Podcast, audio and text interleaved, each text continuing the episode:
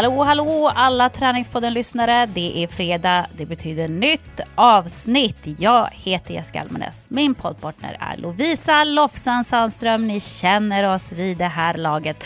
Nu är jag återigen hemma i det gråa, trista, lite snöslaskiga Sverige. Och det är inte så upplyftande. Det är det sannerligen inte Lovisa.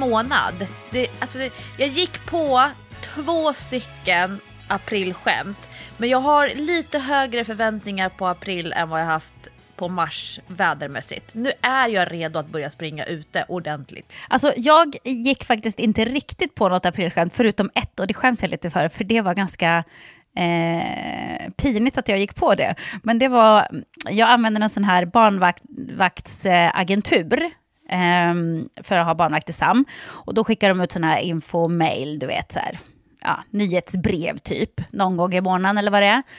Och så hade jag fått ett mejl från dem där det stod eh, nu kan du boka storkvakt. Och jag bara, vad fan är det här nu då? Så gick jag in och läste. Det var så, Tycker du det är lite jobbigt att prata med dina barn om eh, blommor och bin? Eh, nu löser vi det åt dig. Beställ en storkvakt från bla bla bla.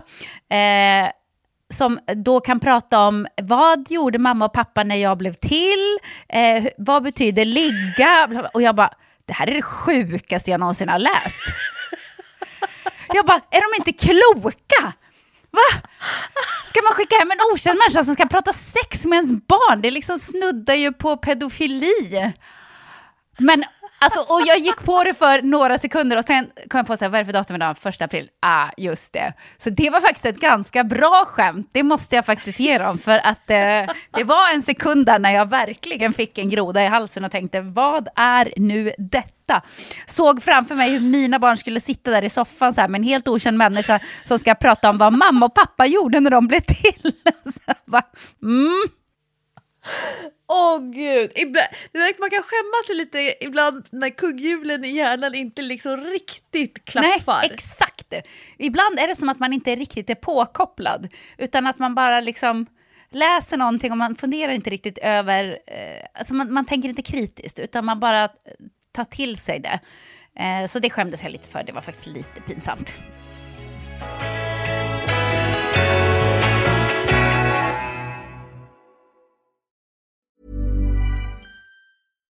One size fits all seemed like a good idea for clothes. Nice dress. Uh, it's a it's a t-shirt. Until you tried it on. Same goes for your healthcare. That's why United Healthcare offers a variety of flexible, budget-friendly coverage for medical, vision, dental, and more. So whether you're between jobs, coming off a parent's plan, or even missed open enrollment, you can find the plan that fits you best. Find out more about United Healthcare coverage at uh1.com. That's uh1.com. There's never been a faster or easier way to start your weight loss journey than with PlushCare. PlushCare accepts most insurance plans and gives you online access to board-certified physicians who can prescribe FDA-approved weight loss medications like Wigovi and Zepbound for those who qualify. Take charge of your health and speak with a board-certified physician about a weight loss plan that's right for you. Get started today at plushcare.com slash weight loss. That's plushcare.com slash weight loss. plushcare.com slash weight loss. Jag, jag föll lite grann på eget grepp. Eh, jag har i min så här, föräldraskapsutveckling, jag försöker så här, jobba med mitt eget föräldraskap och ett tips som jag har fått det är att man ska eh, läsa på, lära sig mer om och hålla sig uppdaterad om ämnen och intressen och engagemang som sitt barn har. Även om man inte delar dem så eh, kan ens eget föräldraskap stimuleras om man liksom engagerar sig i barnens eh, områden. Och det mm. har ju då varit allt ifrån de här Pokémon-korten till fotbollskort till ja, det har ju liksom, det har ändrats lite grann genom åren, men nu är det ju då liksom fotboll och det är Hammarby som jag verkligen så här äh, dedikera mig i för att visa mitt ena barn liksom, jag bryr mig om det du bryr dig om.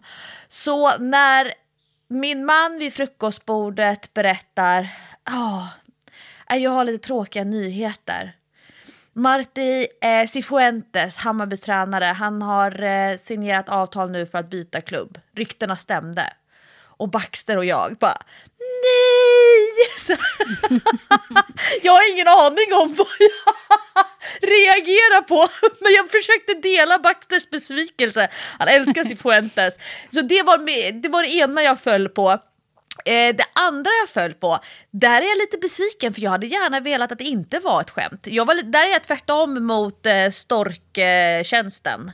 Mm, berätta. Eleiko, eh, gymtillverkaren, som berättar på Instagram att de nu lanserar en ny produkt i högkvalitativt stål. En kaffekopp som väger 8,5 kilo. Och jag bara yeah! okay. Den ska jag beställa! Vad satan också, det var bara ett aprilskämt. Ah, attans. Men det, det är ändå lite kul med första april. Jag önskar att jag själv var lite bättre på att hitta på något bra aprilskönt. Men nej, eh, det blev det inte. Jag har faktiskt haft en riktigt hektisk helg, förra helgen alltså. För att jag kom hem från eh, utlandet då, nu höll jag på att säga vart jag var. Jag kom hem från utlandet där jag var och spelade in. Sent, sent fredag kväll, nästan fredag natt. Tidigt upp lördag morgon och iväg till Uppsala för att spela basketmatch. Och jag var först så här, gud vad jag känner mig så trött i huvudet och uh, jag orkar inte. Du vet, man har suttit en hel dag på flyg och sådär. Och jag kände väl att jag var inte alls i min bästa form. Men vad händer då? Nej men jag gjorde ju min bästa match den här säsongen, utan tvekan. Jag bara skott i poäng. Det, det var, gick så himla bra. Ja, det gick jätte, jättebra. Och kroppen kändes fräsch. Alltså, jag eh, sprang på snabba uppspel och, och snodde bollar. Och, ja, det var verkligen, det gick jättebra. Och det var ganska kul, eh, för i halvlek då så vi ledde eh, med ganska mycket och så sa, sa vi till domarna så här, kan vi bara sätta igång och spela? Vi vill inte vänta i tio minuter som det egentligen ska vara. De bara, har ni bråttom?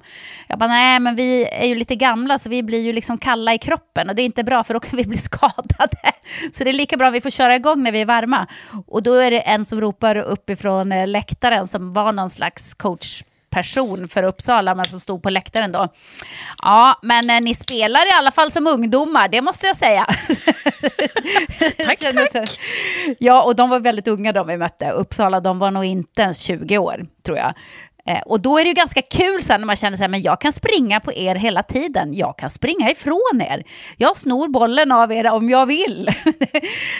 det var jättekul, så att jag var så himla glad. För det kändes verkligen, jag kände mig som, som, ehm, eh, som mitt gamla jag som basketspelare.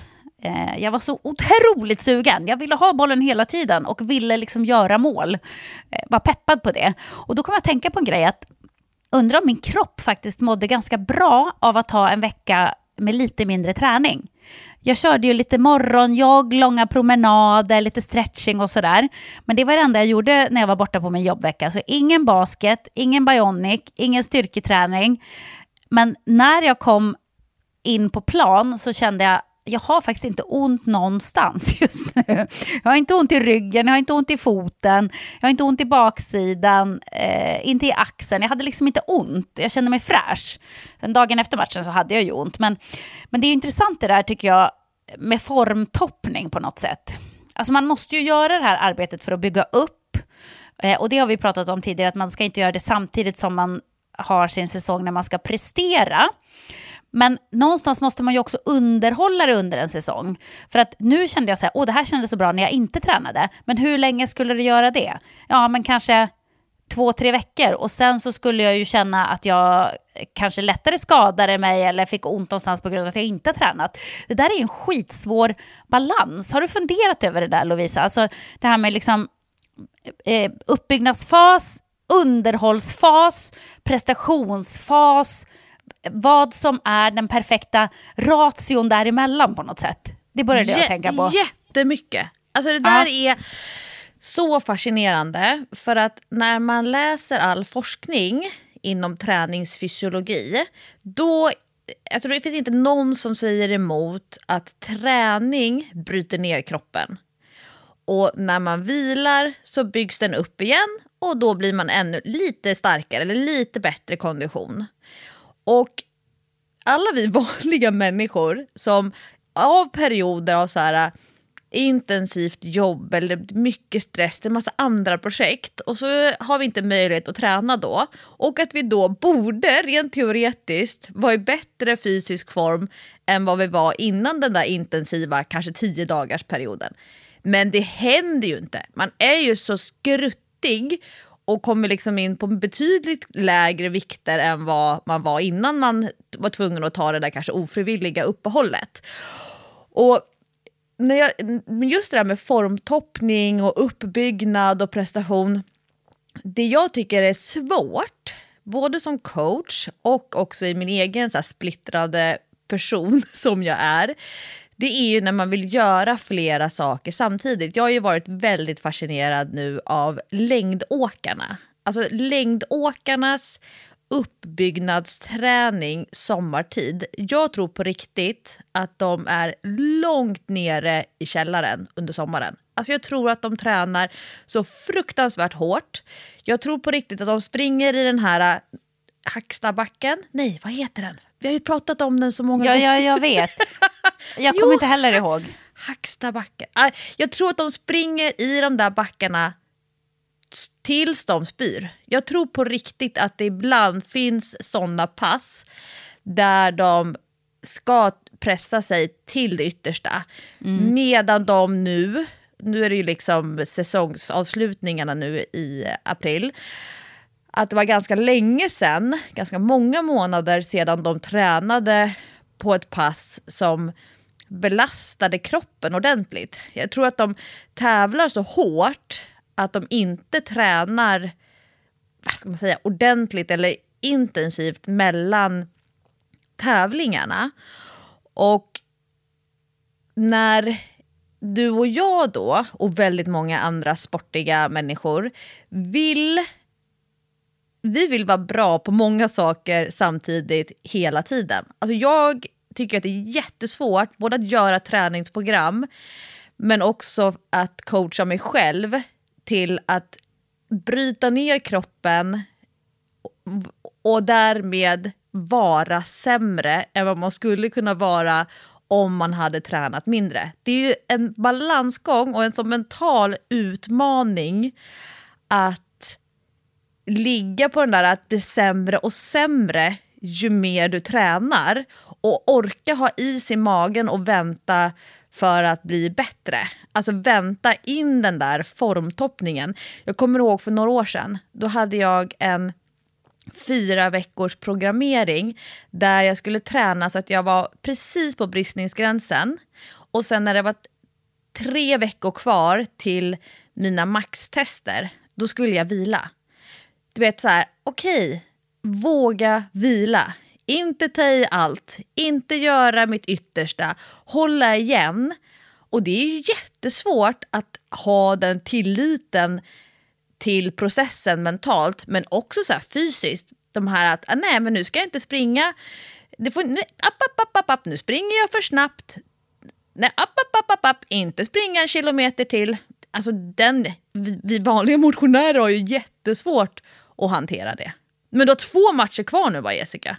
Ja, nu är det bara två matcher kvar, så att nu... Eh, jag vet inte hur jag ska lägga upp det riktigt med, med träningen här resten av säsongen. Men eh, ja, det, jag fick min tankeställare. Jag lärde mig nog lite grann ändå, men jag tror att det är jättesvårt att hitta den perfekta eh, balansen. Jag menar, det, det finns ju de som, som tränar elitidrottare eh, som liksom är bra på sånt där. Och det kan man ju inte räkna med att man ska vara som amatör och lyckas pricka in formtoppar och grejer på. Men det är två matcher kvar och det ska bli kul för att nu känner jag mig faktiskt i bra basketform. Det är jätte, jätteroligt. Och för, sen har ju faktiskt jag och Jenny, min syrra, eh, även eh, basketfestivalen kvar i Göteborg. Oh! Ja, och då ska vi inte spela med våra lagkamrater utan då ska vi spela med mina gamla skolkamrater från basketgymnasiet på Sanda. Eh, och det ska bli superkul. Syrran har inte varit med på det innan så att det blir debut för henne och vi tog, vi andra tog ju faktiskt eh, silver förra året. Så vi fick ju spela final. Det var jättekul. Nu vill ni ha den stora pokalen. Men nu är vi lite sugna på den stora pokalen. Vi har ju redan silverpokalen, så vi behöver inte ha en till sån. Utan nu eh, går vi för guld. Men jag tänkte på eh, en tanke om just det där med, med formtoppning, men framförallt eh, formchecken, alltså formkollen. Eh, det här kommer jag att tänka på för att jag själv upplever att jag har sån himla bra kondition just nu. Och jag är inte van att ha så här bra kondition just de här, den här månaden. Alltså jag är ju en late bloomer. Jag springer som bäst i slutet i, av augusti. Jag springer riktigt bra i september. Sen hinner jag inte springa så mycket lopp och liksom hinner inte njuta av eh, den kapaciteten. Löpformen liksom. Nej, det är rätt. Alltså maj, juni, då är det rätt kämpigt. Alltså det är ganska tunga ben. Eh, på senare år har ju du smittat mig med eh, pollenallergi. Aj då, aj då. Förlåt. Alltid skönt att kunna ha det kortet och dra. Men eh, jag tänkte på det här med a- alla människors, om man skulle här, ställa upp tusen personer på rad, jag älskar just det här tusen personer, så skulle man fråga dem vad de har för formcheck, vad de har för eh, standards eller markörer för om de är i bra form. För nu har jag eh, två PT-kunder. De, deras, de har liksom nästan, det har blivit som en grej där deras formcheck, det är på då, då i träningskläder så greppar de tag om midjan. och så känner de lite, känner lite så här, ja men eh, Lovisa, det är bra, det är bra. Ah, Okej, ja. Men Då alltså liksom- vad som funkar för Ja, en. det är och så. Eh, en, en annan kund som, som jag har, där brukar min formcheck på henne, det brukar vara, och då kan det här vara åt båda håll, det kan vara så här om hon mår dåligt, då är, då, om jag vet att hon har mått dåligt, då blir det så här app, app, app. Men om jag vet att hon har tränat bra och ätit bra, samma symptom, och då är det bra. Men då är det blodådra, en blodådra på axeln som jag liksom håller lite koll på. Den kan liksom komma och gå lite så. Men det här med liksom, jag tror att, att april månad är en ganska bra månad att göra en formkoll, en formcheck. Och Okej. vad, vad skulle du välja Jessica om, om du skulle ha så här en formcheck? Är det snyggjeansen? Ja, men vet du vad? Faktum är att jag gör ofta det runt april någonstans. För att det är då basketsäsongen eh, börjar ta slut. Man får tid till lite annan träning. Och då brukar jag vara så här, nej, men nu får jag ta och skärpa mig. Ofta är det ju i april som jag börjar liksom göra långpromenader varje dag, ut och springa, kommer igång med sådana grejer. Eh, och då gör man ju ofta, eller formkollen som jag gör då, jag ställer mig på vågen och jag, jag tar mina mått. Det gör jag, helt enkelt. Eh, och nu har jag ju även Bionic eh, att tillgå. Så nu kan jag ju göra, ställa mig på den här vågen som mäter kroppssammansättningen. Så att det blir ju liksom ännu exaktare. Eh, och även den här 3D eh, versionen av mig själv som jag har gjort hos Bionic, där, där kommer jag ju att kunna se Din då avatar. verkligen på bild, min avatar ja. Eh, och det är bra. Så att jag kommer att göra en sån formkoll eh, och jag har ju liksom lite delmål sådär. Eh, jag, jag kommer att behöva vara i bra form. Nu ska vi se, det är fredag idag och då betyder det att eh, om två veckor. Så det blir en liten snabb formtopp här på två veckor nu. För att då är det till är det... Elgalan? Ja, precis. Det är för Elgalan. Så, så är det. Alltså, Hollywoodkändisarna har ju... gissade. Ja, men du hade helt rätt Lovisa. Hollywoodkändisarna har ju sin Oscarsgala, vi i Sverige har våran Elgala. Eh, och då vill man vara i fin form. Och jag vet, eh, jag har några alternativ som eh, min stylist Sara har plockat fram till mig. Eh, och de kräver sin form, det gör de verkligen. Men de kräver liksom också lite muskeltoning. Eh, inte bara liksom att man känner sig slank och sådär, utan, utan det, det kommer kräva lite muskeltoning med de här kläderna. Så att jag kommer få jobba lite på gymmet nu ändå i två veckor. Det, det kommer att bli det. Men det kommer att bli snygg träning då. Så det kom, jag kommer inte ha några styrkemål, liksom att jag ska bli dunderstark eller jag ska klara av eh, si och så många eh, armhävningar eller vad det nu kan vara. Utan det, det kommer att vara eh, helt enkelt snygg träning. Fram till april slut skulle jag säga. Sen har jag inte riktigt bestämt mig för hur jag ska lägga upp det, men mycket talar för att det kommer att bli lite muskelbyggarperiod här i slutet av våren.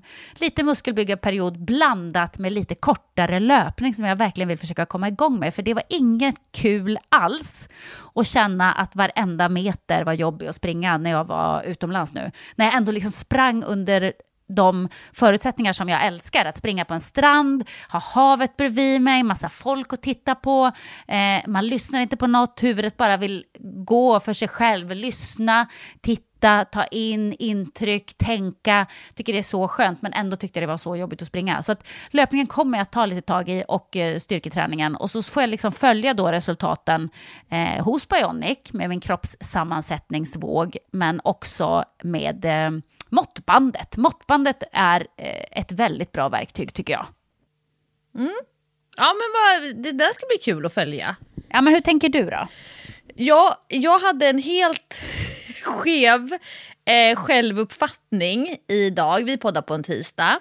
Det betyder att eh, jag har hunnit vara hemma en eh, kväll sen jag var uppe och körde Lofsdalen Epic.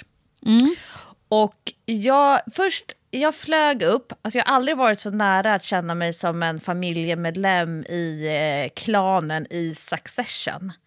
Alltså, ett, alltså, ett flygplan som med röd matta, ett pyttelitet svart private plane kändes det som. Sex platser, på riktigt mindre än en minibuss i sittutrymmet.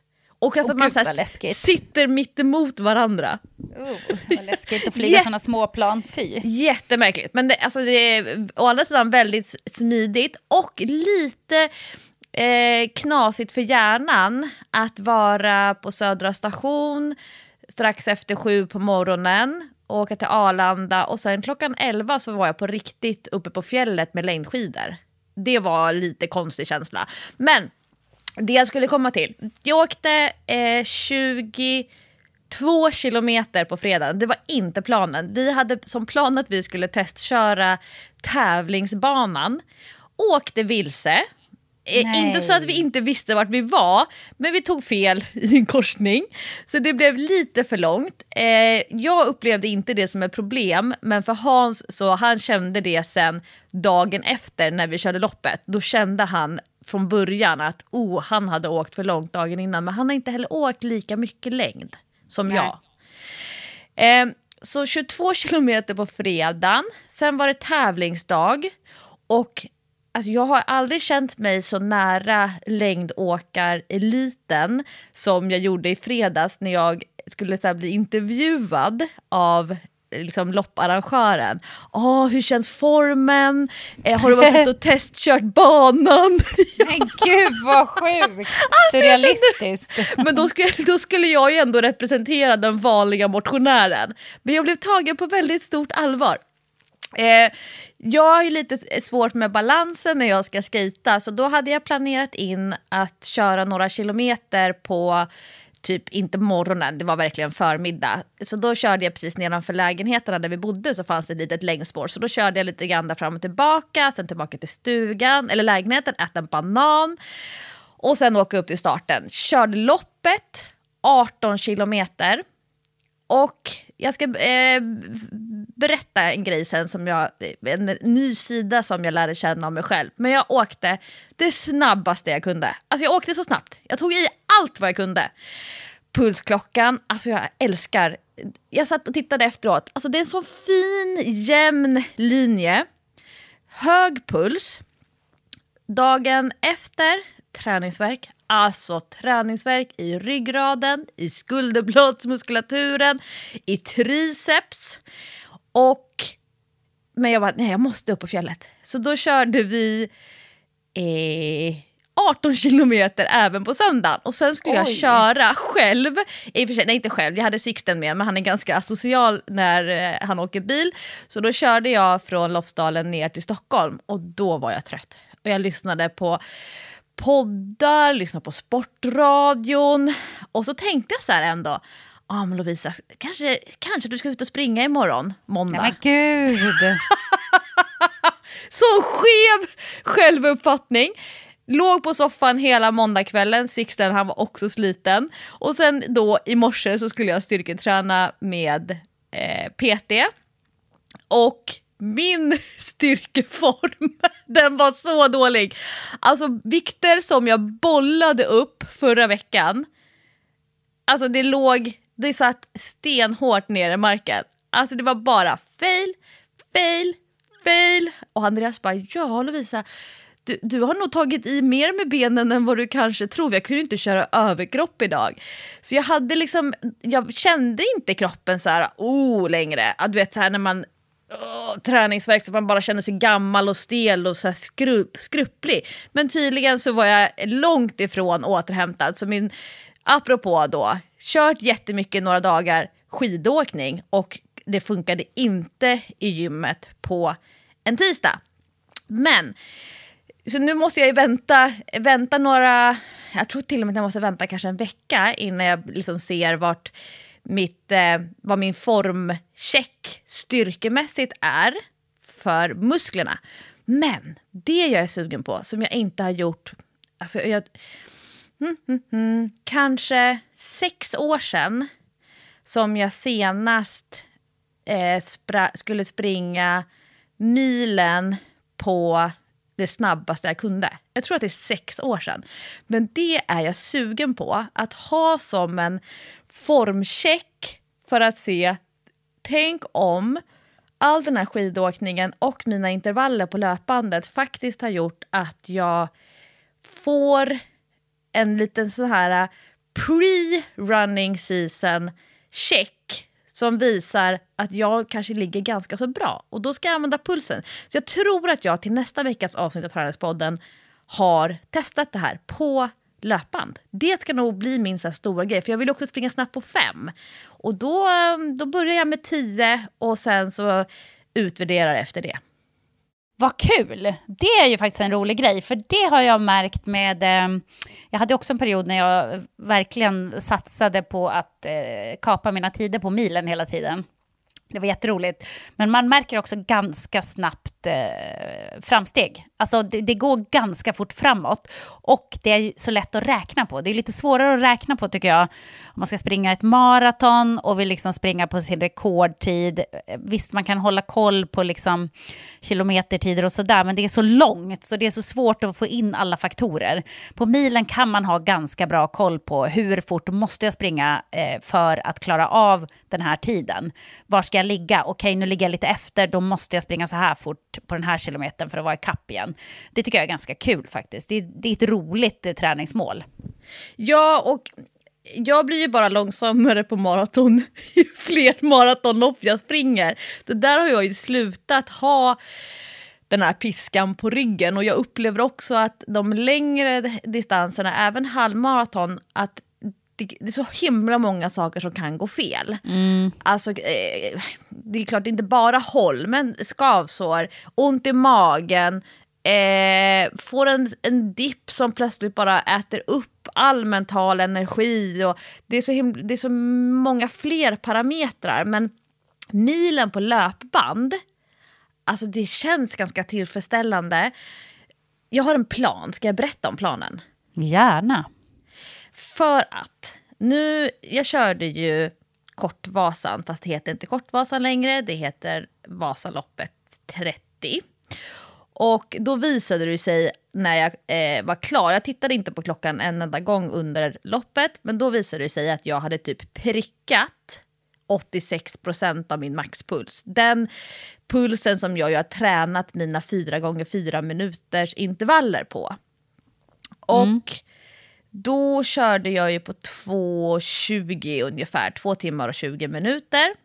Nu på eh, Lofsdalen Epic så var det 18 kilometer, så det var lite mer än hälften. Och då ha, hade jag i snitt puls 163. Men då måste man tänka att det är... Jag startade klockan fyra minuter före start. Eh, så jag tror typ... Jag kanske låg på 164-165. Så då tänker jag, en timme och sex minuter åkte jag på då.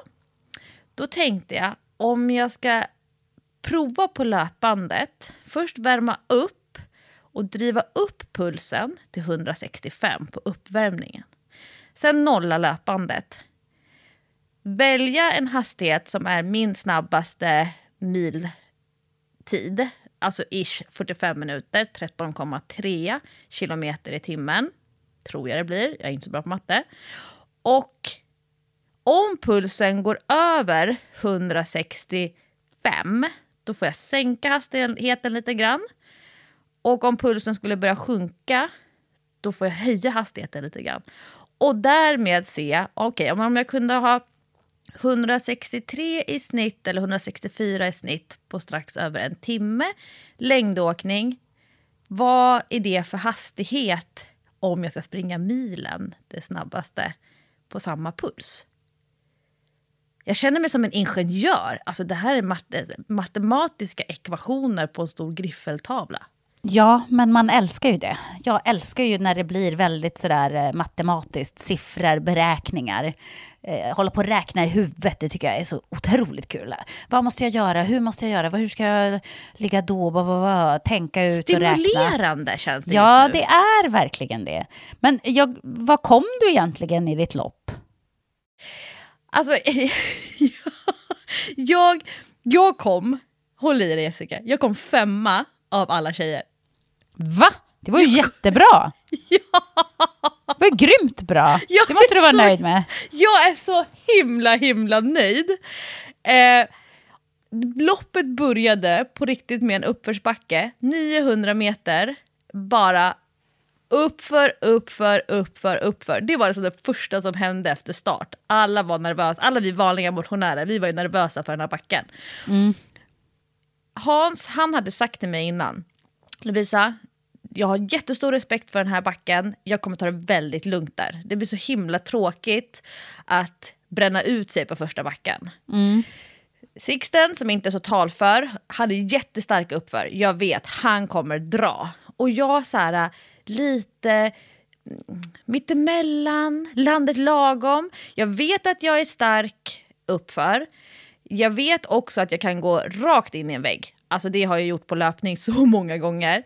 Men jag vet också att jag har ganska så snabb återhämtning när backen väl är Liksom, så fort det vänder i, i löpning så vet jag att jag, jag, kommer komma tillbaka.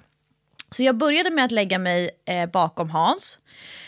Och för han är en bättre längdåkare än vad jag är. Det är, liksom, det är ingen diskussion om det. Och en av mina drivkrafter de senaste då två skidsäsongerna har ju varit att bli bättre på att åka skidor så att han ska slippa vänta så himla mycket på mig. Alltså det mhm. är, han säger det aldrig, han har aldrig pikat mig. Men det stämmer inte riktigt överens med min självbild att vara en sån som behöver väntas på. Det, mm. det, det, jag vill gärna vara en som kan vara med i gänget. Det är därför jag tycker att det är lite jobbigt att löpträna i grupp.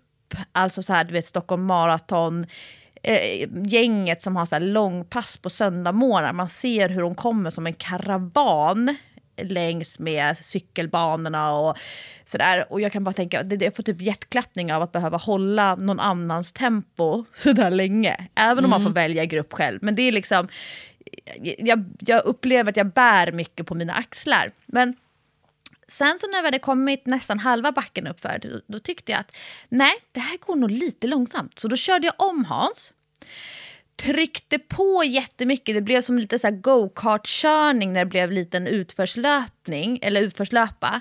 Det var en tjej, alltså hon swishade förbi mig. Hon, hade, hon var så lång, smal, och hon var så enormt lätt i sin skate. Och jag bara, åh, jag är mer så här, borra ner hakan.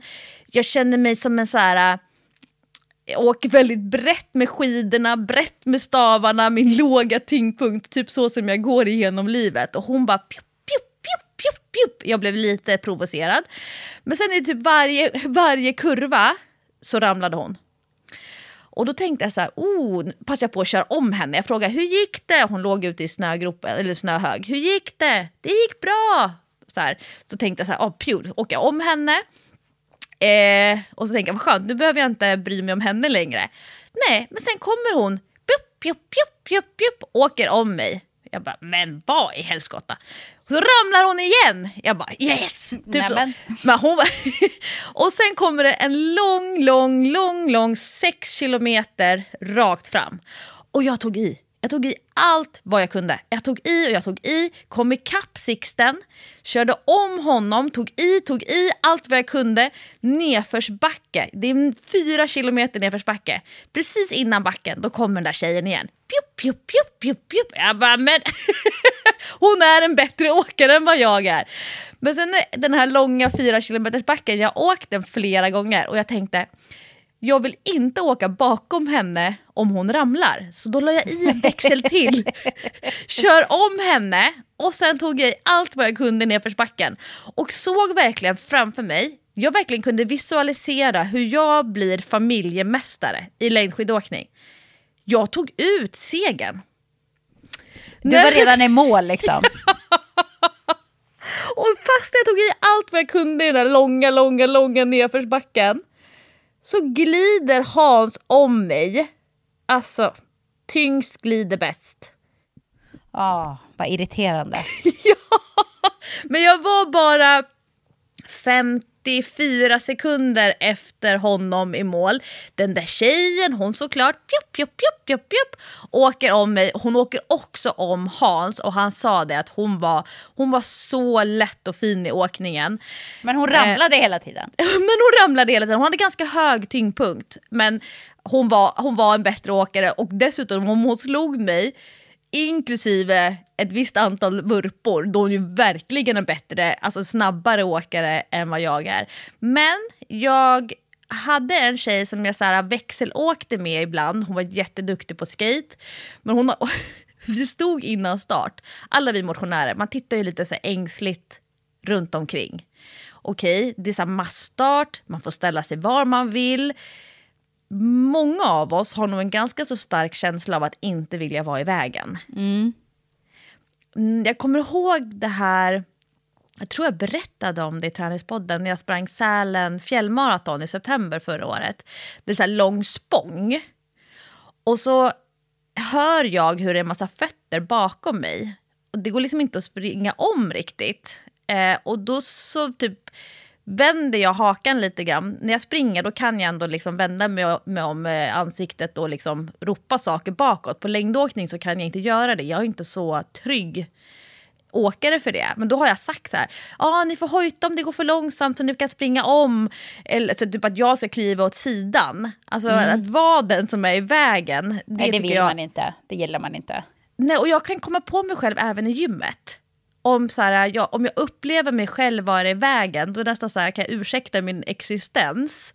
Eh, men, men samtidigt, jag stör mig aldrig på någon annan i samma roll. Nej, det gör man ju inte. Det är ju det, så det, ofta är det ju inbildning. Det där är, det är så konstigt, för man, tänker ändå så här, det är tävling. Om det är någonting man ska vara, och som man har sett nu på VM och OS, det är ju när de blockar backar, när de är i vägen, när de stör, det är ju jätteframgångsrikt. Det är ett jättebra sätt att hålla motståndaren bakom sig. Men vi andra, vi är så här, oj oj oj, nu är jag i vägen lite grann, jag kliver åt sidan, stannar. Alltså, det är någon sån här courtesy, någon sån här äh, artighetsgrej som vissa kanske har då mer än någon annan som bara blockar. Mm. Ja, det kan ju bli lite bakvänt också med den där artighetsgrejen. Men jag, jag, tror att när man är liksom motionär så har man det lite i sig, man vill inte gärna vara i vägen. Nej, ja, eller, eller jag vet inte. Är det manligt, kvinnligt? Men å andra sidan Hans, han var ju jättenervös. Och det jag skulle komma till, det var ju att folk hade såna proffsiga kläder. Det var en tjej, hon hade så här typ skidlinjen alltså typ som att man har gått på skidgymnasiet, tävlingsdräkt. Och då var det en man bredvid som frågade henne så här, innan starten så här, Åh, är, är, eh, har du gått på skidgymnasiet? Hon bara, nej jag har lånat den av min syster. så hon ville, så hon ville liksom lägga in en liksom passus, jag är inte så proffsig som jag ser ut. Och så var det en annan tjej, på riktigt, hon hade en OS-dräkt. Va? Ja, och då så, och så eh, pratade vi lite grann om det. Jag träffade flera stycken Träningspodden-lyssnare i starten. Och då så sa hon så här, ja, då sa hon så här, ah, alla ser så proffsiga ut, sa den här kvinnan till mig som lyssnar på Träningspodden. Och ja, verkligen. Och så pekade vi liksom mot den där tjejen som stod då i sin OS-dräkt. Hon bara, ja, och jag pratade med henne för en stund sedan och då sa hon, gud alla ser så proffsiga ut i sina dräkter. och då hade den här tjejen kontrat med, ja men du är ju värst av alla. Ja, och jag försöker dämpa folks förväntningar med fjädrar i håret. Så hon hade satt såna här rosa påskfjädrar i håret för att hon inte skulle, skulle skrämma någon. Men eh, jag blev så glad för jag såg hennes fjädrar långt där framme, så kom jag ikapp henne, körde om och sen så, nej, så körde hon om mig och så körde jag om henne. Jag blev så glad varje gång jag såg de där rosa påskkläderna. Och sen när det var typ en och en halv kilometer kvar, då kom jag ikapp henne sista gången. Och körde om henne upp för en backe, tog i allt vad jag kunde sista kilometern. Och sen efter mål så sa hon så här, fasen också, jag trodde jag skulle ta dig. Så vi hade tävlat lite grann mot varandra fast på ett väldigt positivt sätt. Det var ingen av oss som blockade eh, varandra. Men det var, det var kul att köra ett sånt här eh, att det inte var så himla långt och inte så himla länge. Det blev liksom, det hände väldigt mycket.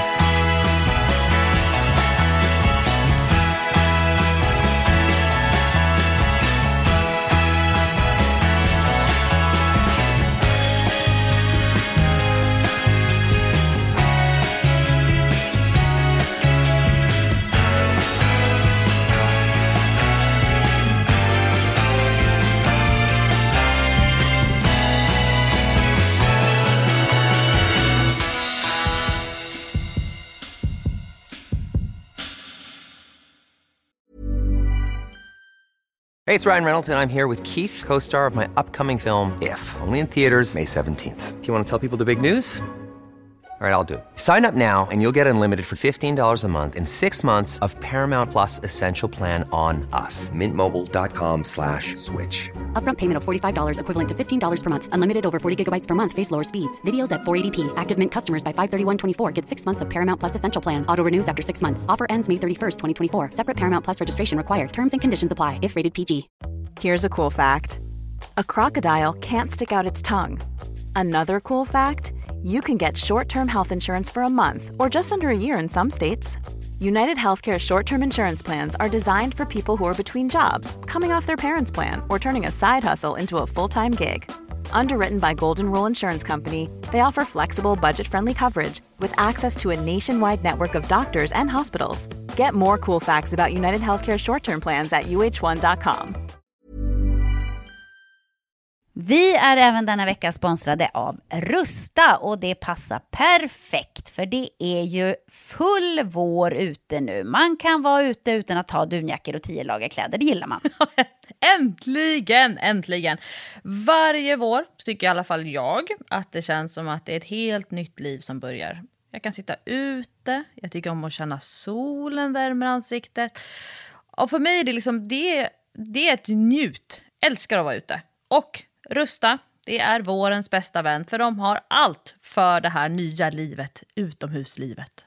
Ja, precis. Vi har ju tidigare berättat att Rusta har ett brett sortiment av i princip allt som du behöver till din uteplats. Och jag har eh, snackat mig varm om solcellsbelysning. Det tycker jag är kanon. Du var inne på ljusslingor och krukor, Lovisa.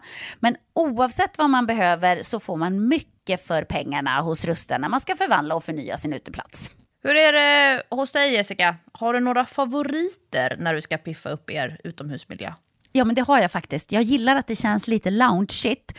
Så jag brukar ju satsa på att köpa någon ny utomhusmatta.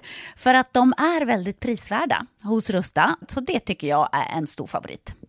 Ska jag säga vad jag är sugen på? Berätta. Jag tycker ju att det är bra att ha kuddar som man inte behöver ta in. Det står absolut på min lista för den här våren. Ja. Ja. Det ska vara lätt att ta sig ut. Kuddarna ska bara ligga där, redo att ta emot den. Ja, man älskar sånt som man inte behöver plocka ut och in. Och då säger nog jag att grejer till utegymmet, alltså vi pratar hantlar, kettlebells, foam roller, sådana saker är också för mig vår, att vara ute, det är låg tröskel till att träna och så kan man liksom ta in och ta ut. Och Rusta har riktigt bra hemmaträningsgrejer. Och jag tänker så här, ja, men man sitter och hänger där i sina kuddar och så kan man träna. Och så kan man hänga och träna. För alla våra lyssnare så är ju träning en viktig del av utomhusmiljön, det vet jag. Vi uppmuntrar och uppmanar våra lyssnare att njuta av utomhuslivet och kolla gärna in Rusta när ni vill uppgradera er utemiljö. Kolla in rusta.com, men framförallt besök ett Rusta varuhus och få inspiration till ditt nya uteliv. Vi säger tack till Rusta! Stort Och det jag skulle berätta om, nu blir det lite navelskåderi. Mm, men det bygger ju på att tyvärr får man säga, så kan man ju bara komma in i sin egen hjärna. Hur fantastiskt vore det inte om man kunde komma in i andra människors hjärna? Koppla upp sig. Mm, Det hade varit coolt. Du tänk löneförhandlingarna. Ja. Men jag mötte en ny sida av mig själv som jag inte har träffat förut. Som jag blev lite så här förvånad över. Och nu är jag lite nyfiken på eh, hur du och andra eh, känner kring det här. När jag kör bil, nu kan man få så här räcka upp handen om man, om man är en sån som jag, men när jag kör bil, då kör, jag kör inte bil så himla ofta, men när jag gör det, då pratar jag. Och då pratar jag då alltså med de andra bilisterna. Jaha, jaha, där skulle du svänga ut. Ja, du kanske ska använda din blinkers nästa gång. Eller, ja, du, det här är faktiskt en 90-väg och du ligger i 70. du vill liksom Igen, gärna- igenkänning, absolut. Och ibland så kan jag så tänka så här, ja, hoppas de tror att jag pratar i eh, högtalarsystemet i telefonen när jag sitter där och pratar och rör på läpparna. Så att det inte är någon som bromsar in och drar ner rutan och frågar ursäkta mig, ville du mig någonting? Men jag, jag pratar mycket med andra bilar och andra bilister. Eh, men även med min egen bil. Jag har någon sån här automatisk, eh, automatisk bil som svänger av sig själv och den berättar massa saker. Och så, här, jag, och så då kan jag ibland säga, nej men hörru du bilen, jag ville faktiskt inte svänga här, att jag liksom vill ligga på ett annat ställe. Så det brukar jag göra när jag kör bil. Och jag har tänkt på, när det handlar om löpning, jag tycker det är väldigt roligt att springa på smal stig. Jag kan uppleva mig själv som en lite så tv-spelsfigur sett ovanifrån. Att jag liksom manövrerar terrängen. Och så när jag springer på asfalt, då är det så här äh, ompa, lompa. Alltså det blir väldigt monotont. Det är inte så mycket att man måste tänka på vad kroppen gör. Det är ganska lätt att zooma ut, tänka på andra saker. Men den här nya sidan av mig själv som jag då upptäckte i, på loppet, det var hur längdåkning som tävlingsform, till skillnad från att springa sitt snabba på asfalt, eller äv- en, även så här att träna löpning på asfalt eller på gångbana eller någonting, hur det är så tekniskt svårt. Så jag hade hela tiden en, ehm, en dialog med mig själv på samma sätt som jag pratar med andra bilister när jag kör bil. Så till exempel eh, när det kom en, den där eh, rally go-kart utförsåkningen som var väldigt mycket svängar. Då kunde det vara så här, när jag hamnade lite långt ut i en kurva så oj oj oj, där var det nära ögat. Säger jag på riktigt högt till mig själv. Och sen så, så här, köra vidare och sen när jag kommer upp på den här långa staksträckan, 6 kilometer, då körde jag hej och hå och hej och hå. På riktigt så här pratar med mig själv. Och sen den här långa fyra kilometers eh, nedförsbacken. Då åkte jag in, eh, då så, åkte jag först i spåret och sen klev jag ut åt, åt sidan eftersom jag hade skateskidor. Och så var det så himla sladdrigt underlag där. Så då säger jag till mig själv så här, nej det där var inte ett bra beslut, åk tillbaka till spåret, ställer mig i spåret igen, ramlar, två gånger ramlade jag. Den ena gången då ramlar jag för att båda skidor åker in i samma spår. Alltså det är så klantig grej. Sätter mig på rumpan och så nej Lovisa det där var inte bra. Upp igen, fortsätta åka, ramla på ett annat ställe med rumpan först och sen ansiktet ner i mjuk snö, får in snö innanför glasögonen och bara Åh, det där var väl väldigt onödigt. Upp så här, får inte bort snön, sätter dem på huvudet. Och jag tror att det var för att det här var så tekniskt svårt, precis som bilåkning, så måste jag liksom hålla hjärnan hela tiden och kommunicera med kroppen. Och den där inre samtalet som ju då väldigt ofta blev att jag sa saker till mig själv. Eller som när det var en kilometer kvar, jag hade kört om den där tjejen med fjädrarna och jag bara Kom igen nu Lovisa, nu är det sista biten in i mål och körde på. Vilka dialoger som utspelar sig i huvudet på ett fem kilometers asfaltpass eller nu Jessica när du berättar om din morgonjogg som du kanske då upplevde med väldigt stort motstånd. Vad är det för dialoger man för med sin egen hjärna? Är det ett peptalk? Berättar man för kroppen att nej, det här vill du egentligen inte göra? Eller är det ett steg till, ett steg till, eller är det snart får du Starbucks kaffe? Mm, alltså, jag pratar ju också jättemycket med mig själv. Vilket är helt sjukt. Om jag är ensam hemma så går jag runt och pratar högt. Du är som med, min granne. Med mig själv. Och svarar ofta mig själv. Alltså, om folk skulle se en, då skulle man ju framstå som att man är riktigt, riktigt galen. Men jag har alltid gjort det. Jag har alltid, sedan jag var liten, pratat med mig själv högt. Eh, och eh, även när jag tränar, fast inte bland folk, tror jag. Jag tror inte att jag skulle som du, eh, hej och hå, hej det, där, där är jag inte riktigt, utan jag har liksom någon slags spärr när jag är bland folk ändå. Det det är ju ibland när jag är ute och promenerar, när jag går och pratar med mig själv, då kan jag bli otroligt generad om jag plötsligt märker att oj, det gick någon bakom mig, eller oj, nej men gud, där står det någon i trädgården som undrar om jag är helt galen. Och då försöker jag ju också låtsas som att jag faktiskt pratar i telefon. För det är ju väldigt skämmigt när man går och pratar med sig själv. Folk tror ju inte att man är riktigt klok. Men absolut så tror jag att man kan påverka hjärnan lite grann eh, när man pratar med sig själv, oavsett om man gör det högt eller lågt när man tränar eller springer lopp eller vad det nu kan vara.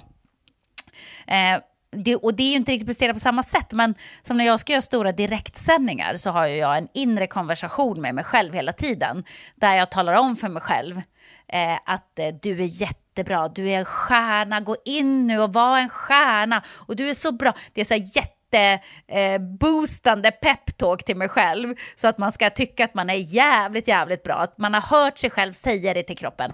Och eh, samma försöker jag ge tips till Dylan så här, men då blir det mer visualisera.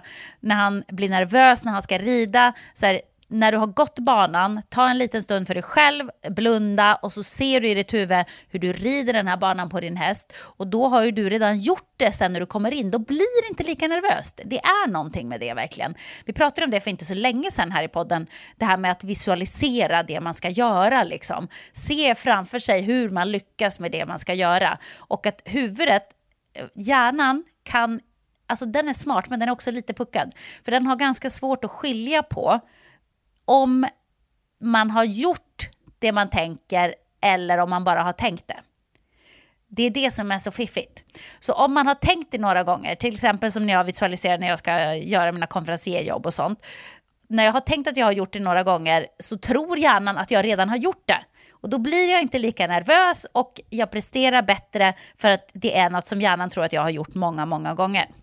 Så lite så. Men, men du har ju tagit ett steg längre när du verkligen kör högt prat med dig själv. Gör du det på gymmet också? Går du runt och, och pratar då så här, eh, tänk nu på att ha armen i den vinkeln Lovisa, eller, eller vad? Ah, och... Nej, det kanske jag inte gör. Men om jag skulle, nu kör jag sällan de jobbigaste gympassen själv. För att jag är ju sån ögontjänare. Så att jag behöver ju någon som spänner blicken i mig. Och eh, eh, Som förra veckan till exempel, då var det din syrra som, har jag berättat Spände om i blicken i dig. Ja, Nej, men då, då tränade hon innan mig. Och då skulle hon köra, typ att hon, hon körde PT-timmen innan så kanske hon skulle göra klart en övning eh, efter att själva PT-coachningen var slut. Så då hann jag börja köra. Och så klarade jag inte det jag skulle göra. Och så kom hon och så st- stannade hon och tittade när jag körde. Och då klarade jag det. Och det var 100% på grund av Jenny. Alltså verkligen, det är ju den stora fördelen med att vara en ögontjänare. Skitsamma varför man presterar, kan man prestera för att någon tittar på en? Ja men alltså whatever works for you honey. Eh, så jag är ju en ögontjänare. Eh, det är därför det är så framgångsrikt med sociala medier för mig. För att då anstränger jag mig ju lite mer så att jag kan, sen kan visa upp vad jag har gjort. men Smart. men eh, jag kan nog säga typ högt, inte, inte högt högt, men jag kan nog säga så här, kom igen nu. Och samma sak där med att göra lite ljud. Alltså, just det där med ljud, och om jag, om jag låter lite när jag tränar, då kan jag känna så att jag tar i ännu mer. Eh, Att det är lite förlösande i att göra ljud. Men samtidigt så kan jag ju bli tröttare när jag springer om jag hör min egen andhämtning och hör bara gud vad trött det låter Lovisa. Det kan, jag säga, det kan jag verkligen säga till mig själv. Oj oj oj Lovisa, nu låter du väldigt trött. Det kan jag Va? säga när jag springer men men eh, det, jag tror, det här berättade en person för mig. Eh, hon har... Jag, jag tycker att det vore skönt om de flesta människor hittar en egen... Åh, skitsamma om man säger det högt eller om man... Jag, jag kan säga till mig själv, så här, efter om jag sprungit intervaller på löpan, vilket jag tycker är jättekul, då kan jag säga till mig själv när jag är klar, bra jobbat. Och då kan ju någon på löpandet bredvid mig ibland så här, vrida sig om och typ kanske tro att jag har sagt det till den som beröm. och då, så här, då kan jag le lite grann, så här, typ visa att nu är jag klar med mitt pass. Men det, det är ju liksom ett yttre peptalk. Men det finns ju också ett inre peptalk. Gud vad, gud vad du gör bra nu Lovisa.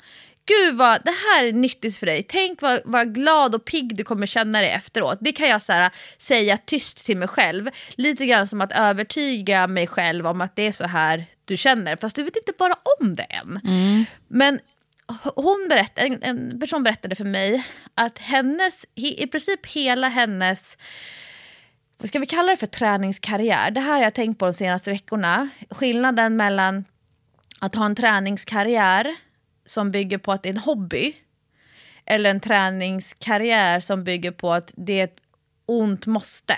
Alltså, jag måste träna. Det är inte en hobby, men jag gör det ändå.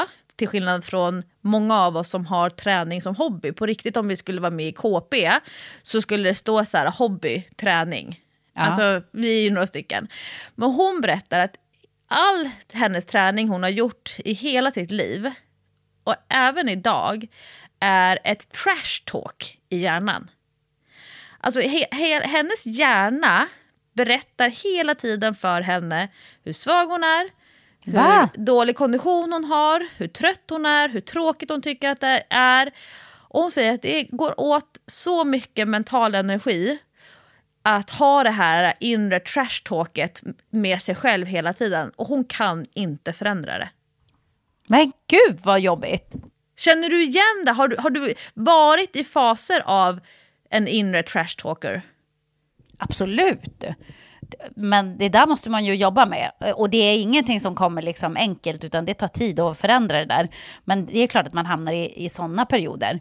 Berätta. Och, nej men, eh, ja, jag kan ofta hamna i det där, du vet, man får dålig självkänsla. Då kan man ju gå runt och säga att jag är så jävla dålig, jag är så ful, jag är så kass och jag kan ingenting. Och, du, du vet, det där är ju det sämsta man kan göra, men det är jättelätt att hamna i det verkligen. Och ibland kommer det bara helt spontant. Du vet, ibland eh, speciellt PMS, då kan jag bara se mig i spegeln och så bara spontant bara, fy fan, jag är fulast i hela jävla världen. Alltså, åh, förstår du? Det kommer bara utan att jag ens hinner tänka det och sen bara, nej men nu får jag ju skärpa mig, nu måste jag jobba lite med det här. Men det är också så här, för så funkar ju hjärnan åt andra hållet också. Som jag har haft det här exemplet eh, återigen med Dylan, när jag försöker coacha honom lite grann så här hur han ska tänka. det är inte så lätt när man är 13 år att veta hur man ska jobba mentalt liksom, för att kunna prestera. Eh, men, men också det här när han, om han har fått ett stopp till exempel på en tävling, då, då så, kan han sagt till mig någon gång så här, ah, men jag visste att jag skulle få stopp på det hindret. Jag sa det till de andra när vi gick bana redan att jag skulle få stopp på det hindret. Ja, men ser du, varför tror du att du fick stopp på det där hindret? Du hade redan talat om för din hjärna att du skulle få stopp på hindret. Ja, men jag kan ju inte påverka hästen så att den får stopp. Jo, det kan du visst det. För så fort din hjärna börjar tänka att du kommer att få ett stopp där, då har du liksom redan, då, då har du redan eh, fått det där stoppet på något sätt. Då ska det väldigt mycket till att du inte ska få det där stoppet. Så att det, det där är ju verkligen någonting man måste jobba med, men jag tror att hon har fel när hon säger att hon inte kan förändra det. För det tror jag faktiskt att man kan. Hur, hur, vad, vad har varit dina framgångsrecept för att förändra eller kanske snarare medvetandegöra det eller se samband, alltså se vilka faktorer som triggar det där eh, historiskt sett. Jag, kan, jag skulle kunna tänka mig att så här, eh, en fysisk trötthet, till exempel att man har sovit för lite eller sovit för dåligt en längre period, skulle kunna vara en trigger för trash talk. Ja, absolut. När man mår psykiskt dåligt av någon anledning är det ju också en en trigger. Alltså till exempel när, jag var utbränd eller Eh, när man i, person, i perioder har varit deprimerad. Eller, alltså, då hamnar man ju mycket lättare i det givetvis. Men eh, lite grann är ju att träna hjärnan precis som att träna kroppen, skulle jag säga. Att man, för det första så måste man vara uppmärksam på, på vad det är man gör. Eh, till exempel man måste vara uppmärksam på att man trashtalkar sig själv och säger elaka saker till sig själv. Och så måste man reagera varje gång man gör det. Och eh, då så här, ja, men, jag skulle inte säga sådär till mig själv. Och så får man säga något snällt till sig själv istället. Eller försöka vända på resonemanget. Eller bara liksom eh, tala om för sig själv. Jag är bra, jag kan, jag är bra, jag kan det här. Och i början så tror man inte på det. Men det, det, får man inte bry sig om, utan man får i alla fall försöka låtsas. För att till slut så kommer hjärnan inte heller att veta om du låtsas eller inte. Det är det. Alltså hjärnan är, eh, som jag säger, den är smart men den är dum. Vi kan överlista vår hjärna. vi kan det, jag lovar. Så att jag tror att i början, man måste verkligen jobba med det systematiskt, systematiskt, systematiskt. Tills man också, alltså sen kommer man ju inse att det här funkar faktiskt. Det här hjälper när jag vänder på det. Även fast jag inte riktigt tror på det själv så funkar det det. Och då kommer man ju att tro på det lite mer nästa gång. Och lite mer nästa gång. Och lite mer nästa gång. Men man måste vara hela tiden pass på sig själv. Så man ska ha en liten grindvakt i sitt huvud som sitter och säger så här. Nej, nej, nej, nej, nej. Så här skulle vi inte prata till oss själva pass på nu, nu säger vi någonting annat, någonting snällt istället. Så att man inte bara låter det där eh, beteendet fortgå. Men jag vet att det är jättesvårt att ändra det. Jag vet att det är jättesvårt att ändra det. Och du vet, jag har haft i perioder när jag har gått i terapi, när jag har sagt till, eh, till min terapeut att jag är rädd för mina egna tankar. Jag är rädd för mina tankar. Jag tänker så konstiga saker och jag är rädd att det ska hända eller att det ska bli så. Eller du vet, jag kan få så här eh, katastroftankar i huvudet. Så, och, och, men, men då har hon också sagt till mig så här, när de där tankarna kommer, låt dem passera. Låt dem passera. Det är ett moln som flyter genom medvetandet. De är inte farliga, de flyter bara förbi. Du reagerar inte på dem. Dun, dun, dun, så måste man jobba med det där jättemycket. Att så här, tankarna är inte farliga, låt dem passera. Låt dem passera, konstatera att där kom den där tanken som ett litet moln genom huvudet och så seglar den förbi och nu så tänker vi på något annat. Så att man får ju liksom skaffa sig verktyg för hur man eh, jobbar med, med sina tankar och med sitt huvud. Men en sak som är bra, om man går och tänker mycket dumma saker om sig själv, då kan jag tycka att det är jättebra att faktiskt högt säga motsatsen, om du förstår. Då tror jag verkligen man ska använda sig av, av ditt knep där, att prata med dig själv. Eller, eller mitt också, när jag går runt och pratar med mig själv högt. Eh, för att då är det ett sinne till som tar in det. Även hörseln tar in det. Och ju fler sinnen du aktiverar i, vid inlärning och sådana saker, desto större chans är det att du lär dig det. Eh, det, är ju, det är ju forskning och fakta, liksom, att det funkar så. Ja, för vad intressant. För att ett, man skulle aldrig säga eller tänka sådär om någon annan än sig själv. Det är ju det ena. Mm. Det andra som jag tänker, det är ju att möta motstånd. För till exempel Tabata-intervaller. Alltså 8 gånger 20 sekunder. I, alltså intensivt arbete med 10 sekunders vila mellan varje ska, om, om, om man springer sådana intervaller, låt säga då som exempel, om jag som coach säger så här, men nu ska vi springa dem på 14 kilometer i timmen. Och så har vi värmt upp och vi har stegrat upp intensiteten, nu är det dags att köra. Och personen från typ sekund nummer tre tänker, fan vad jobbigt, fan vad jobbigt, fan vad jobbigt, fan vad jobbigt, jag orkar inte, jag orkar inte, jag orkar inte, jag vill bara hoppa av, jag vill bara hoppa av och liksom hamnar i den i det tanke-mindsetet. Men så klarar de ändå 20 sekunder. Och så får de vila en kort stund och så klarar de det igen och så klarar de det igen. Då vill ju jag som coach visa så här, ja men du klarar ju det här. Ja, det är jobbigt. Jag hade kunnat säga att du skulle springa på 12 eller 11 och du hade inte tyckt att det var så jobbigt. Hade det varit bättre för dig om du hade sprungit dem på 11 och det inte hade varit så jobbigt? Eller vill du springa på 14 och var tvungen att möta de här kanske demonerna då eller vad vi nu ska sätta för liksom det är ju något mörker i en som bara tar över hjärnan för henne då. Um, och då är det klart, då säger hon nej men jag vill ju springa på 14. Ja, och då kommer det att vara jobbigt. Alltså, ibland så får man ju ett motstånd som man söker sig till. Om jag säger du ska göra biceps curl med 8 kilos hantlarna och så gör man fem stycken och den sjätte är så jädra jobbig, man kanske får upp den och så klarar man inte den sjunde. Äh, vad dålig jag var som inte klarade åtta repetitioner. Ja, men vill du ha ett kilo tyngre eller lättare hantlar så du klarar du det? Nej, nej, nej. Jag vill ju köra med 8 kilo. Man har ju liksom ändå alltid ett val i träningen att göra det lätt lättare så att man inte möter lika mycket motstånd. Men frågan är, vill man det? Vill man att kroppen ska få motstånd, då måste ju hjärnan kunna matcha det eh, motståndet också. Jag fattar att det här det blir motsägelsefullt. Vad, vad tänker du? Hur, hur, ofta möter du det här mentala motståndet i gymmet eller när du tränar hemma eller på basketen till exempel? Eh, nej, men ofta. Det gör väl de flesta, tror jag, som håller på med träning. Alltså, alla vet ju att varje träningspass är inte mm, kul. Eh, varje träningspass går inte bra. Eh, alltså, det är klart att man gör det. Men jag tycker man ska, jag tycker att man ska försöka se det som något positivt. Att man ska tänka så här, okej, okay, om jag kan göra de här grejerna som jag gör, fast jag hela tiden tänker negativa saker om mig själv och är taskig mot mig själv. Tänk då vilken potential jag har om jag jobbar med de här små sakerna.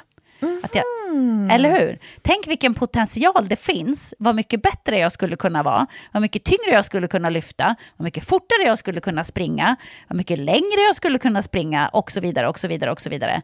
Om jag bara liksom eh, eh, börjar jobba med de här sakerna med mitt huvud. För det är ju inte alltid det handlar om det fysiska när det gäller träning och prestation och, och vad det nu kan vara. Utan det sitter ju väldigt mycket i huvudet också. Det är ju, de träningspassen måste också göras, de mentala. Faktiskt. Så att vända på det istället, tänka så här, vilken potential det finns här. När jag ändå är så elak mot mig själv och eh, hård mot mig själv och dissig mot mig själv eh, och ändå klarar av det jag gör. Då, då tänk när jag eh, börjar liksom peppa mig själv istället och vända på steken. Vad bra jag kommer vara då.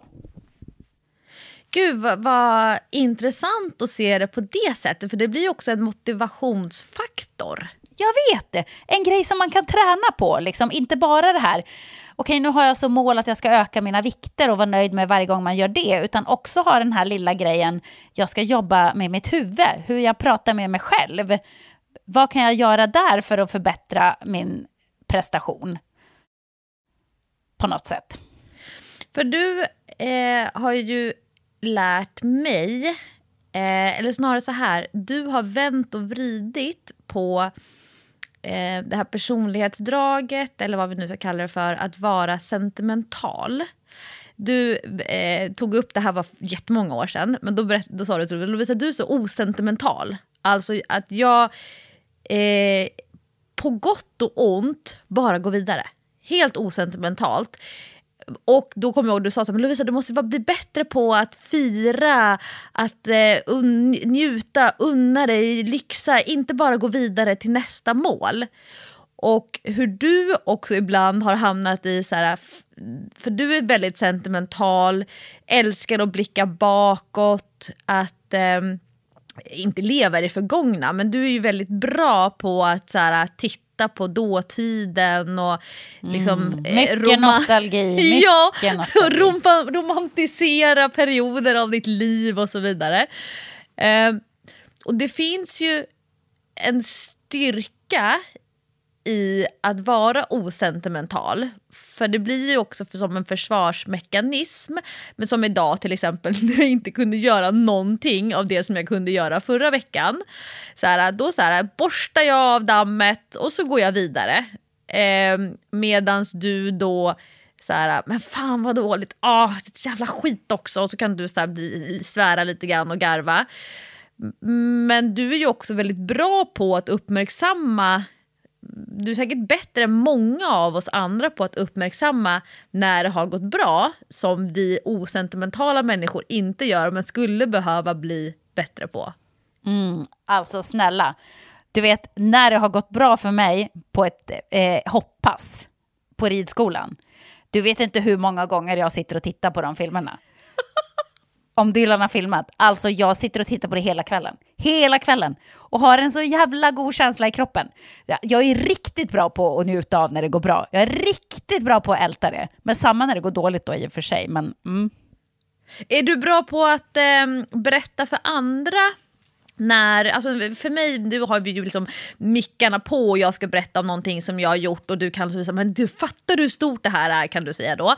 Men är du, liksom, söker du dig till andras eh, framsteg och framgång och håsar upp de människorna runt omkring dig?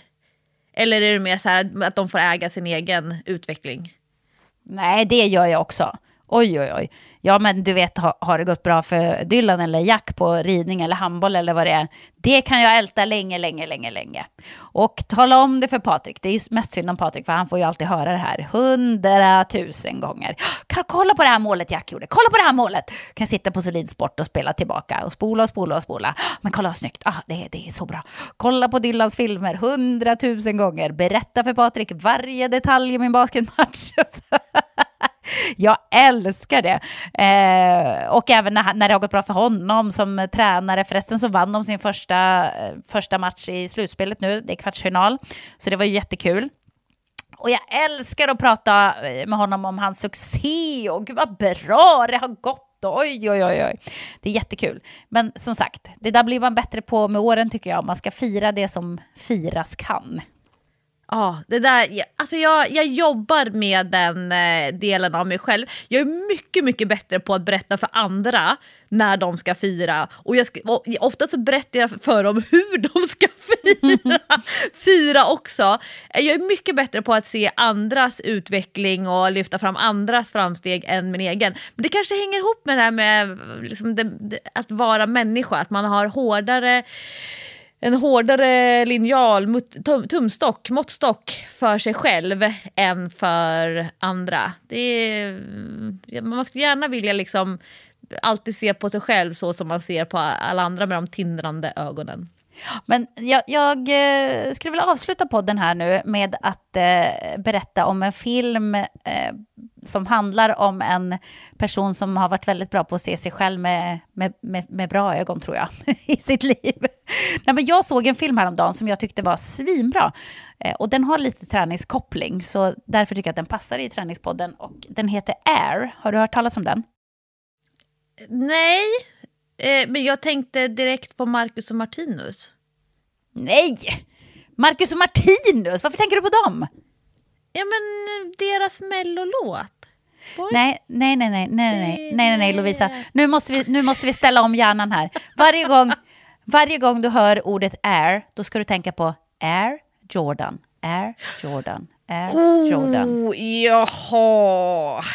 Det, det handlar givetvis om Michael Jordan. Eller det handlar egentligen inte om Michael Jordan direkt, den här filmen. Den, den har premiär den femte, så den har haft det när, vi, när podden släpps. Eh, den handlar om eh, hur det kom sig att Michael Jordan skrev kontrakt med Nike och hur absoluta supersuccén eh, som är märket Air Jordan, alltså en underdivision till, till Nike, eh, uppstod. Hur kom det sig? Historien bakom det. Och det var otroligt fascinerande. Och en sak som var också otroligt fascinerande, det var att det här utspelar sig, filmen utspelar sig 1984. Och det är så mycket 80-talsnostalgi. Alltså musiken, du vet själen, den bara sitter och sjunger. sentimentala Jessica Ja! fram igen. Nej men snälla, själen sjunger av all den här 80-talsnostalgin. Telefonerna, datorerna, låtarna, kläderna. Det är ju Ben Affleck som har gjort den här filmen tillsammans med Matt Damon tror jag. Och båda de är med i filmen. Och Ben Affleck han spelar eh, vd på Nike. Och han är en träningsdåre. För att på 80-talet så var det ju väldigt så här, alla skulle springa. Ut och springa och jogga. jogging. Och, ja, Ah. joggingen. Han har en jogging-outfit som är, alltså den är helt underbar. Det är så här rosa små shorts med tights under. Åh gud, det är så mycket nostalgi. Det, det, det är fantastiskt på det sättet. Men historien är också otroligt fascinerande. För att Nike var inte alls vad Nike är idag på 80-talet, utan de var liksom eh, nästan inte B-märket, de var liksom efter de största märkena. Inom basket så var det ju Converse, sjukt nog, som var störst. Alltså, du vet, i NBA hade de på sig Converse-skor när de spelade. Att, att de inte hade mer skador, de måste ha haft mer skador. Det är ju helt sjukt. Helt platta skor, vet du. Ingen dämpning eller studs eller någonting i de skorna. Fy fan vad ont det skulle ha gjort i fötterna. Och knäna och allting. Eh, men de hade störst andel. Och sen var det Adidas. Så att Nike var liksom ett B-märke. Det var ingen av de stora basketstjärnorna som ville jobba med Nike. De hade lite för lite pengar. Och då var det ju då en kille som jobbade där på Nike. Och, och det här är ju en sann historia då som eh, filmen är byggd på. Eh, som tyckte, eh, han, han var liksom expert på collegebasket och Michael Jordan hade inte spelat i NBA än utan han hade blivit draftad då till Chicago Bulls och skulle spela nästa säsong. Och han sa så här, jag tycker vi ska ta hela vår budget och satsa på Michael Jordan. Och alla andra på Nike var bara, hela budgeten, är du inte klok på en spelare? Och nej, nej, nej, de skulle satsa på massa andra gubbar. Men han var bara så här, vi ska göra det. Men Michael Jordan, han ville absolut inte gå till Nike. Utan han skulle skriva på för Adidas förmodligen. För Adidas hade lovat honom en, en röd Mercedes som han så gärna ville ha. Det var liksom andra tider. De bara, du får den här bilen om du skriver på för oss. Så han var så sugen på att göra det. Han var ju 18 år typ eller något sånt. Eh, men den här killen då, Sonny, han var bara övertygad att vi ska ha Michael Jordan. Och då eh, så sa han till eh, deras skodesigner så här, vi, vi, för att få över honom, vi måste skapa en sko som är bara gjord för honom. Och han den här skodesignern sa, jag tycker den ska heta Air Jordan. Och de bara, ja, ja, den ska heta Air Jordan. Liksom. Skapar en sko bara för Michael Jordan i, en, i färger som man inte fick ha i NBA. För att i NBA så var skon tvungen att vara 51% vit. Och den här skon den var röd och svart. Och de var så här, vi tar alla böter. Det här kommer att vara en grej, vi kommer få uppmärksamhet för det här, vi tar hans böter. Liksom. Eh, och eh, ja, nu fattar ju alla hur det gick, för att i filmen är det lite så här, oh, kommer han att skriva på eller inte? Och eh, hans föräldrar och han är på möte med Nike och den här Sonny, han håller ett tal där han då ska försöka övertala Michael Jordan att skriva på du vet, jag satt och snyftade. Jag undrar om jag var den enda på den här pressvisningen som grät. Men jag, det bara vällde upp tårar i mina ögon. Han, han är så stor, Michael Jordan. Alltså vilken jävla stjärna. Men det slutar ju givetvis med att han då skriver på. Eh, men också att han eh, genom att göra det såg hans mamma till att hela branschen förändrades. Och exakt på vilket sätt, det ska jag inte berätta för man måste ju ha någonting att liksom se filmen. Men även om man vet hur det slutar, för det vet ju alla, alltså Air Jordan är ju ett så otroligt framgångsrikt märke idag. Det, det är helt sinnessjukt. Och det får ju revival hela tiden med jämna mellanrum. Jag fick liksom mina första Air Jordan-skor 91 när min morbror hade varit i USA. Och de fanns inte i Sverige och han köpte med det hem. Och det var ju så jävla coolt. Alltså jag dyrkade de där jävla skorna. Och så köpte jag ett par, Air, mina senaste Air Jordan, de köpte jag förra året. 31 år efter att jag fick mina första eh, Air Jordan-skor. Det säger ju liksom lite grann om märket. Men jag kan verkligen rekommendera den här filmen av många anledningar. Fascinerande historia, eh, gött jävla tugg. Man får liksom en inblick i så här, eh, agentbranschen, idrottsbranschen, elitidrottsbranschen, eh, hur det funkar liksom på alla de här stora sportföretagen. Nu är det ju eh, länge sedan, men det är bra tugg liksom. De munhuggs liksom hela tiden. Eh, och också för estetiken, för estetiken är otrolig, den här 80-talsestetiken. Så den kan jag rekommendera eh, om ni vill se något sportrelaterat. På Då måste jag bara tillägga, vet du vad jag gjorde förra veckan? Nej, berätta. Jag åkte in till city med min 12-åriga son.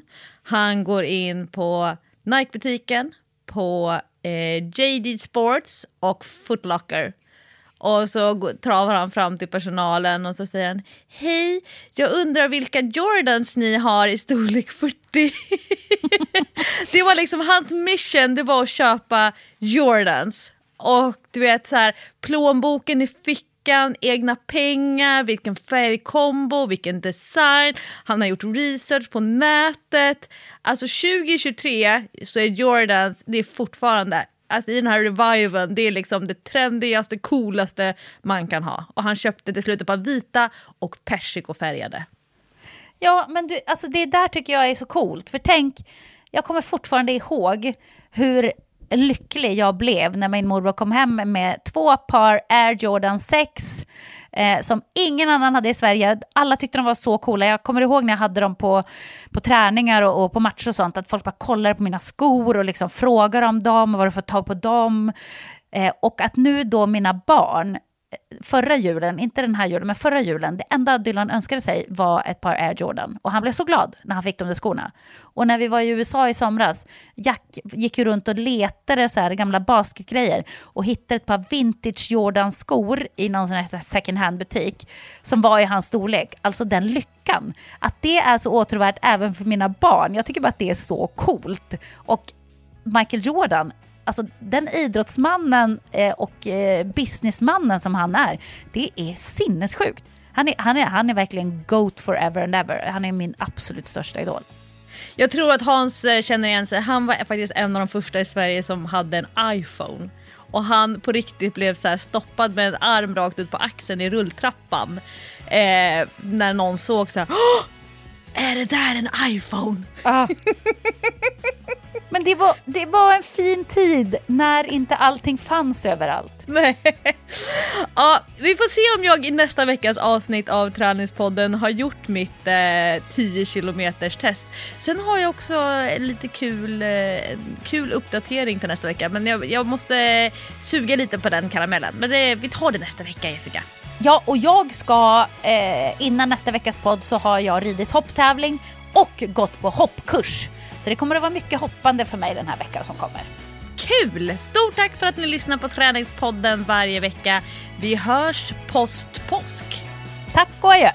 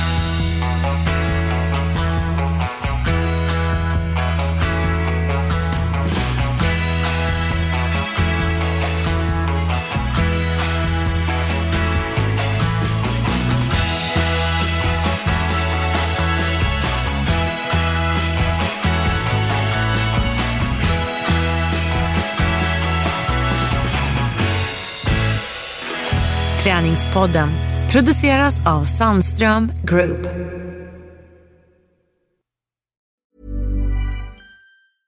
Need new glasses or want a fresh new style? Warby Parker has you covered. Glasses start at just 95 bucks, including anti-reflective, scratch-resistant prescription lenses that block 100% of UV rays. Every frame's designed in-house with a huge selection of styles for every face shape. And with Warby Parker's free home try-on program, you can order five pairs to try at home for free. Shipping is free both ways too. Go to warbyparker.com slash covered to try five pairs of frames at home for free. warbyparker.com slash covered. Mom deserves the best, and there's no better place to shop for Mother's Day than Whole Foods Market. They're your destination for unbeatable savings, from premium gifts to show-stopping flowers and irresistible desserts. Start by saving 33% with Prime on all body care and candles. Then get a 15-stem bunch of tulips for just $9.99 each with Prime. Round out Mom's menu with festive rosé, irresistible berry chantilly cake, and more special treats. Come celebrate Mother's Day at Whole Foods Market.